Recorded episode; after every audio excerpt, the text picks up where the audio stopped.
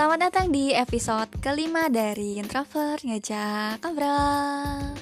Di episode kelima ini Anissa akan membacakan tulisannya yang pernah diposting di blog pada bulan November tahun 2018 Judulnya adalah kisah yang dikisahkan.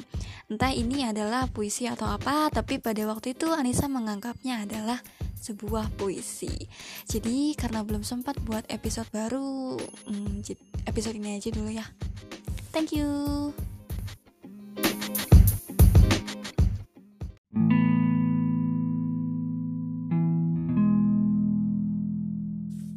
Oleh sebab kau belum juga mau mengisahkan apa yang ada dalam dirimu perihal lalu, kini, dan akan kepadaku, maka biarkan aku saja yang mendongengkan sebuah kisah. Kau boleh mengambil secangkir teh. Ya, karena aku tahu kau tidak suka kopi. Kau boleh duduk dan meletakkan kedua tanganmu di dagu. Kau boleh menutup mata jika kau muak, tapi jangan telingamu. Aku butuh dua telinga untuk didengar tak perlu dipersilakan. Aku akan memulainya sekarang.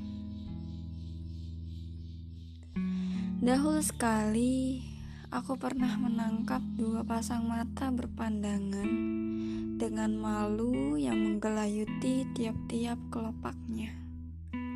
Dua pasang mata itu tidak memiliki bola layaknya mata biasa. Tidak ada bola hitam, coklatan, biru kehijauan, atau hijau kebiruan.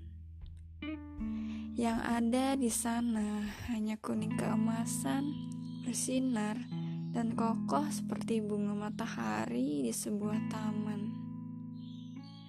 Mereka memancarkan energi yang meletup-letup. Udara di sekitarku mendadak sejuk kala itu. Seseorang kemudian memberitahuku bahwa dua pasang mata berpandangan dengan malu yang menggelayuti tiap-tiap kelopaknya sedang jatuh.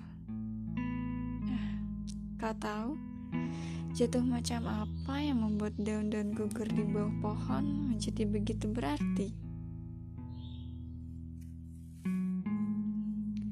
Kemarin lusa, aku melihat dua pasang mata tergeletak di meja.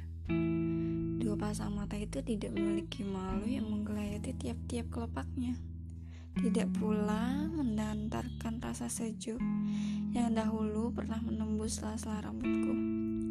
Ada api yang menyala di sana. Mereka membakar dan terbakar. Seseorang kemudian memberitahuku bahwa dua pasang mata tergeletak di meja yang tidak memiliki malu pada tiap-tiap kelopaknya sedang melahirkan. Eh, kau tahu apa yang dilahirkan dari api-api yang menyala? Oke, sudah. Kau boleh membuka mata. Sekarang aku bertanya. Jika kita menjadi dua pasang mata, akan menjadi kisah yang mana? Yang pertama atau yang kedua?